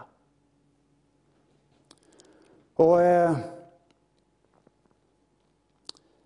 när, när en jude väljer för att sko sig på andra människor för sin egen skull, så det är klart, då kan man förstå att det, det, det, det kommer riva upp känslor. Så, så Sackeus var verkligen inte en person som egentligen förtjänade nåd. Eh, han förtjänade inte ens Jesus uppmärksamhet. Men, eh, men vet du vad? Det är väldigt lätt att peka finger på Sackeus. Det är väldigt lätt att peka finger på mannen som trängde sig i kön. Det, men, men grejen är den att faktum är att vi har alla trängt oss i kön, höll jag på att säga. Vi har alla syndat. Det står så här i Romarbrevet 3 och 23. Alla har syndat och saknar härligheten från Gud. När Sackeus hör om vem Jesus, eh, hör om vem Jesus är och, vad, och, och vad han, att han var i stan så, så ville han se. Han ville se, han fick en nyfikenhet, någonting tändes på insidan. Någonting, han ville, ville liksom, vem är den här Jesus? Så han, eh, han reagerar på ett sånt sätt att han, eh, han liksom springer iväg och klättrar upp i ett mullbärsfikonträd. Det står att han var, han var kort, han var liten, så han var, han var inte bara skurk, han var en kort skurk. Så eh, han springer och gör något så kontroversiellt som att klättra upp i det här mullbärsfikonträdet. En vuxen människa börjar eh, klättra i ett träd, det kan ju vara en predikan i sig. Och, eh, men han ville göra det ovanliga för att försöka få tag på och se vem är den här Jesus som alla pratar om. Och det här mullbärsfikonträdet tänker ibland på det att eh, han, när du inte är omtyckt, när du vet att du kanske syndar, när du vet kanske att du har gjort fel, så är det så lätt att man vill gömma sig och, och kanske tänkte Sackeus att om jag sitter där uppe i löven så är det ingen som ser mig. Här kan jag kanske gömma mig men ändå glimta lite grann och se. Kanske är det så för dig som tittar på det här programmet just nu. Du kanske sitter där i, hemma i din ensamhet och du kanske har slått på för här ser ingen att jag tittar eller att jag liksom eh, vill försöka ta reda på vad är det här med kristendomen? Vem är Jesus egentligen? Och sån är synden, att när vi lever i synd så vill vi gärna dölja det, vi vill gärna gömma det. Men här när Jesus kommer och går så står det så här att han såg upp. Han såg Sackeus. Och när, när han ser Sackeus så säger han inte du där. Din syndare, din skurk. Nej, han säger Sackeus. Kom ner. Alltså, när Jesus, det första han gör, för det första, han ser Sackeus. Så jag, jag tänker så här, du kanske kan försöka gömma dig, men Jesus ser dig. Han ser dig därför att han älskar dig. Han ser dig därför att han längtar efter gemenskap med dig. Han ser dig därför att det finns inget större i hans hjärta än att komma i kontakt med dig. Och så, så säger han Sackeus, och jag tänker också på det. När, när Jesus kommer gående så han kände Sackeus vid namn. På samma sätt som han känner dig vid namn. Eh, jag känner dig. Sackeus, skynda dig ner. Idag måste jag komma och stanna i ditt hus, säger Jesus. Du är inte för liten, du är inte för syndig. Du kan inte gömma dig. Jesus ser dig och han känner dig vid namn. Och han vill locka dig ner. Kom, jag vill kliva in i ditt hem, jag vill kliva in i ditt liv. Och Det står så här att i Jeremia kapitel 1 och vers 5-8 så står det så här, Herrens ord kom till mig. Han sa, innan jag formade dig i moderlivet utvalde jag dig. Innan du kom fram ur moderskötet helgade jag dig. Jag satte dig till en profet för folket. Men jag svarade, O Herre Gud, jag kan inte tala, jag är för ung. Då sa Herren till mig, säg inte jag är för ung, utan gå vart till jag sänder dig och tala vad jag än befaller dig. Var inte rädd för dem, för jag är med dig eh, för att rädda dig, säger Herren. Vet du, Jesus känner dig. Gud känner dig. Innan du var formad i din moders liv så kände han dig. Han vet exakt vilken resa du har gjort. Han vet exakt vilka svårigheter du har gått igenom. Han vet vilket mörker du har befunnit dig i. Han vet exakt vart du brottas och han vet exakt vart din smärta finns. Men vet du vad? Han lyfter sin blick upp till dig och säger ditt namn och kallar på dig. Jesus känner dig. Och så säger han så här. Du måste kliva ner, för jag vill komma. Idag vill jag komma in till ditt hem. Vet du vad? Idag är frälsningens dag, står det i Bibeln. Idag, just nu. Och han vill komma in i ditt hem. Han vill kliva in i ditt liv, in i din vardag, in i din omständighet. Ofta tänker vi så här att evangelium, det är någonting som är för att jag ska bli perfekt. Eller att jag ska, liksom, jag ska platsa in i Jesu liv. Men vet du vad? Det är inte jag som ska platsa in i Jesu liv. Det är Jesus som vill kliva in i mitt liv. Det är Jesus som vill kliva in i ditt liv. Han vill kliva in i din vardag, i din verklighet, i din omständighet. Vet, evangelium handlar om att Jesus faktiskt är syndarnas vän. Han faktiskt är den personen som vill liksom kliva in i ditt liv. Han är, vi tänker liksom att eh, jag måste åstadkomma någonting, jag måste prestera någonting, jag måste kristen. Och är du inte kristen och du kanske du tänker så här, men kristen det handlar om en livsstil. Nej, vet du vad det handlar om? Först och främst, mer än någonting annat, handlar det om att Jesus får kliva in i ditt liv, i din vardag. Sen kan massa saker hända. Men du behöver inte vara perfekt för att han ska kliva in. Nej, han är den personen som vill kliva in, trots evangelium är inte rättvist. Nåd är inte rättvist. Du kan inte förtjäna det. Folk blir sura när Jesus går hem till Sackeus. Han är ju en syndare. Han är ju liksom en bedragare. Men vet du vad, det står så här i Romarbrevet 5 och 4. Men Gud bevisar sin kärlek till oss genom att Kristus dog i vårt ställe medan vi ännu var syndare. Det är fantastiskt. För vi är alla Vi har alla liksom gått miste. Vi har alla failat. Vi har alla stapplat. Vi har alla fallit. Det är väldigt skönt att han älskar mig, inte på grund av vad jag gör, utan på grund av vad han en gång gjorde, där på Golgata. Han tog allt det som du förtjänar för att du ska få det som han förtjänar. Sackeus responderar och han responderar på det språk som han kände till. Han var en pengadriven man. Så han säger, hans första respons är ja, då ska jag ge tillbaks och jag ska ge de fattiga. Hur du responderar på Jesus, det kan se olika ut men eh, det viktigaste är att du börjar säga ja. Det står så här i Romarbrevet 10.13. Var och en som åkallar Herrens namn ska bli frälst. Det är det här evangelium handlar om. Det här kristendom handlar om. Att vi som inte är perfekta kan få ta emot en perfekt, fullkomlig Gud. Så oavsett vem du är, var du än befinner sig, så hans syfte, hans, hans, hans hjärta, hans brand, Jesu liksom drivkraft och passion, vet du vad det är? Det är att göra allt han kan för att finna dig. Du kan försöka gömma dig. Du kan försöka dra dig in i mörkret, men vet du vad? Han kommer göra allt för att söka rätt på dig. Det står så här, sista versen vi läste i Lukas 19, där var vers 10, så står det så här. Och i den gamla översättningen så står det, för detta skäl, ty för detta skäl så har Människosonen kommit. För att söka upp och frälsa det som var förlorat. Så oavsett om du upplever att du är i det mörkaste mörker just nu, Oavsett om du känner som att ditt liv liksom är i kris och allting är upp och ner. Och det kanske du känner dig smutsig eller ovärdig att komma till Gud. Vet du vad? Jesus vill kliva in. Just nu så lyfter han sin blick. Han nämner dig vid namn och säger, idag vill jag kliva in i ditt hem. Kanske du tittar på detta just nu. Oavsett om du kanske springer bort ifrån Gud, du kanske har mött honom någon gång eller aldrig någonsin har mött honom. Så idag kallar han på dig, just nu, just den här kvällen, just nu. För detta syfte kom Jesus till jorden.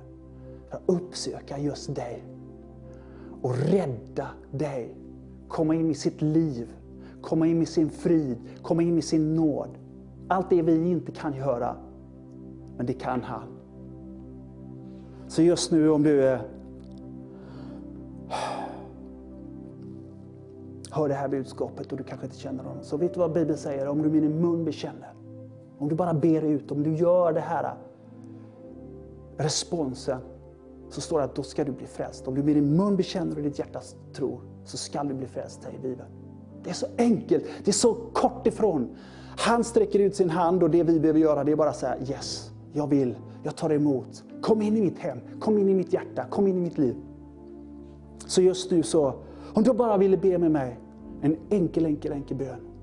Om du bara ville ta en sekund och be den här bönen och tala ut den om du kanske har sprungit ifrån Gud, du kanske känner att du har tappat greppet eller om du kanske aldrig någonsin, bara ta bestäm dig för, du är inte ovärdig. Du är inte otillräcklig.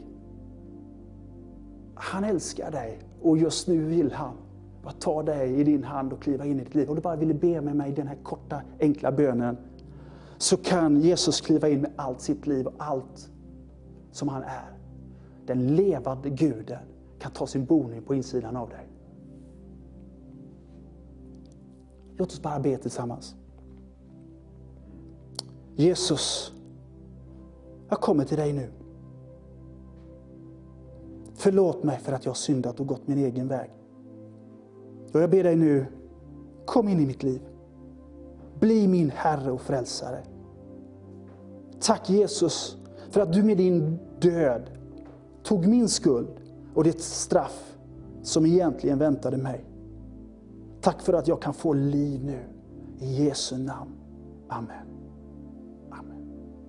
Gud välsigne. Vad roligt att jag får tala till dig en liten stund. Jag tror att jag har någonting att säga dig som du både kommer att vilja och behöver att höra. Jag ska börja med någonting som jag tror kommer få uppmuntra dig. Sen blir det lite jobbiga saker och sen så avslutar jag med någonting som blir riktigt härligt och som har potential att förvandla ditt liv. Du vet väl om att eh, det finns en mening med ditt liv? Du vet väl om att det finns ett syfte? Du vet väl om att du är älskad? Du vet väl om att den starkaste kraft som finns i universum, han som finns före allt, han har ett syfte, han har en plan med ditt liv. Och alldeles oavsett om du har fått tag på den, känner till den idag, så väntar han på dig. Han väntar på att du ska få upptäcka den. Och han gör inte det passivt, nej, han söker dig och har gjort det allt sedan du formades i din mammas mage. Ett nytt år har börjat. Jag vet inte hur det är med dig. Kanske du tillhör dem som brukar avge nyårslöften. Ett nytt år. Eh, nu så ska jag minsann börja eller nu så ska jag sluta med det där. Eh, jag vet inte hur det har gått. Kanske du redan nu befinner dig eh, och, och liksom kan konstatera att ah, det gick inget vidare där. Eller så känner du fortfarande eh, ett, ett spirande hopp. Jo, men än så länge så ser det ut som att det här kan nog gå vägen. Alldeles oavsett så finns det en stor sannolikhet, ja, jag anar att det ändå kan vara så, att någonstans där på insidan så kämpar du med både misslyckanden, eh, skuld och en tomhet som gnager. Trots alla goda förutsatser, trots att vi så gärna vill att nu liksom får vi en chans, liksom, nu ska det bli en ny start, ett nytt år. Trots att vi så gärna önskar att det vore lika lätt att lämna allt som har varit bakom oss, lika lätt som att vända ett, ett blad i en bok och så blir det nytt. Lika liksom kallt stirrar det där i ansiktet på oss och så får vi konstatera att historien inte bara lever och, och, känns aktivt inom oss utan den har en otäck förmåga att upprepa sig. Det där som jag inte vill, det där som jag hade önskat och ville skulle vara bakom mig. Det finner jag igen och igen att det drivs jag mot och så är jag där igen. Känner du igen dig? Har du jobbat med ett dokument på datorn någon gång och så gör du någonting, någonting händer och så helt plötsligt bara försvinner det. Texten är borta. Och vad du än gör och hur du än söker så går det inte att hitta det där dokumentet. Det går inte att återskapa den där frustrationen som växer. Vad du än gör, det är borta. Om vi tänker precis tvärtom. Det finns en text, det finns ett dokument som inte skulle vara skrivet. Det finns ett dokument som inte borde vara där. Och vad du än gör, hur mycket du än försöker, så bara poppar det upp igen likt ett virus som bara är helt omöjligt att få bort. Lite så är det ju faktiskt. Bibeln beskriver det här dokumentet som en anklagelseskrift. Vårt samvete viftar med det här pappret. Djävulen viftar med det här pappret. Det är en samlad skrift, ett dokument som påminner oss om synden och syndens makt i våra liv. Ja, men det här lät ju inte speciellt roligt Jonas. Det här var inget roligt att lyssna på. Nej, och det är just det som är grejen. Synden är någonting som vi alla har, men som vi inte vill veta av. Och synden har reell makt. Synden, beskriver Bibeln, är liksom ett samlande begrepp på allt som vi i vår tanke, med våra ord och våra handlingar gör, som står i direkt uppror mot allt det som vi innerst inne vet är rätt. Det är ett uppror som bryter mot det som vi vet är rätt och ytterst sett är det ett uppror mot livet själv, mot allting skapare, mot det som är vårt livs syfte, kontakten med Gud. Allt detta vet vi och hjärtat, vårt samvete, påminner oss om detta. Det är likt ett själens destruktiva självskadebeteende, för oavsett på vilket sätt mina tankar eller mina ord och mina handlingar påverkar och skadar och påverkar andra människor negativt, så är det framför allt en destruktiv kraft som för mig själv allt djupare och djupare ner i ett mörker som jag inte kan ta mig ur själv. Tänk om jag kunde berätta för dig här nu att det trots allt, trots detta, finns en väg och finns en möjlighet för dig, för mig, till en nystart. Gud älskar dig. Och hans kärlek till dig, den har aldrig förminskats. Den har aldrig påverkats av någonting du har sagt, av någonting du har tänkt eller någonting du har gjort. Faktum är att synden, din synd, min synd, är det som har gjort Guds kärlek sådär oerhört tydligt uppenbarad. För Gud han visste att vi aldrig skulle kunna rå på synden själva. Han visste att du och jag aldrig skulle kunna lösa det, fixa och göra, göra oss själva bättre och klara och ta oss ur syndens makt. Så han gjorde det själv. Han klev in i vår verklighet och löste problemet. Han gjorde den ultimata uppoffringen. Ja, han offrade sig själv när han i Jesus Kristus dör för oss på ett kors. Lyssna på det här. Så här står det i Johannes 3.16. Gud älskade ju människorna så mycket att han gav dem sin enda son. För att de som tror på honom inte ska gå förlorade utan ha evigt liv. Guds son Jesus, han väljer att dö på korset. Och det som händer där på korset när Jesus lider, när han dör, det är att han tar det där pappret, han tar anklagelseskriften och spikar, den spikas upp där tillsammans med honom. Allt det där som du har gjort fel, allt det där som är uppräknat på anklagelsedokumentet, det naglas fast där. Lyssna på det här. Kolosserbrevet 2. Han förlät oss alla våra synder och drog ett streck över allt som anklagade oss. Listan över den skuld som vi själva borde ha fått betala tillbaka, fått betala tillbaka tillsammans med Kristus på korset. Korset är himlens stora delete-knapp. Vid korset ges vi möjligheten till en nystart. Flera andra översättningar använder att dokumentet stryks ut. En annan översättning säger att det utplånades. Woo, det här är bra! Förlåtelsen när den ges från Gud, den är just detta. Den ger en möjlighet till total nystart. Det är utplånat, det är utraderat. Det som var, det finns inte mer. Korset är Guds stora delitknapp. Anklagelserna har han utplånat. Syndens makt, den dog när Jesus dog på korset. Men Jesus, han lever idag. För döden kunde inte hålla fast honom. Och därför, för att synden är besegrad, för att döden själv är besegrad, men att Jesus lever, just därför så kan han erbjuda dig och mig en nystart. Just därför så kan du få ta emot ett rent blad, ett helt nytt liv, berövad från syndens makt och konsekvens. Och allt du behöver göra det är att vara ärlig inför honom. Bjud Jesus in i ditt hjärta, i ditt liv och be honom om förlåtelse. Och det kan du göra nu. Det kan du göra där du sitter, där du står eller ligger. Genom att be den här bönen tillsammans med mig just nu. Knäpp gärna dina händer, slut dina ögon och välj att låta Jesus göra allting nytt. Vi ber tillsammans. Vi ber nu. Tack Jesus för att du gav ditt liv för mig. Tack för att du tog min synd och skuld på korset. Tack för att du dog för mig. Jesus, jag tror att du uppstod och lever idag. Jesus, kliv in i mitt liv. Förlåt mig min synd. Bli min Herre. Tack för att du gör mig ren. Amen.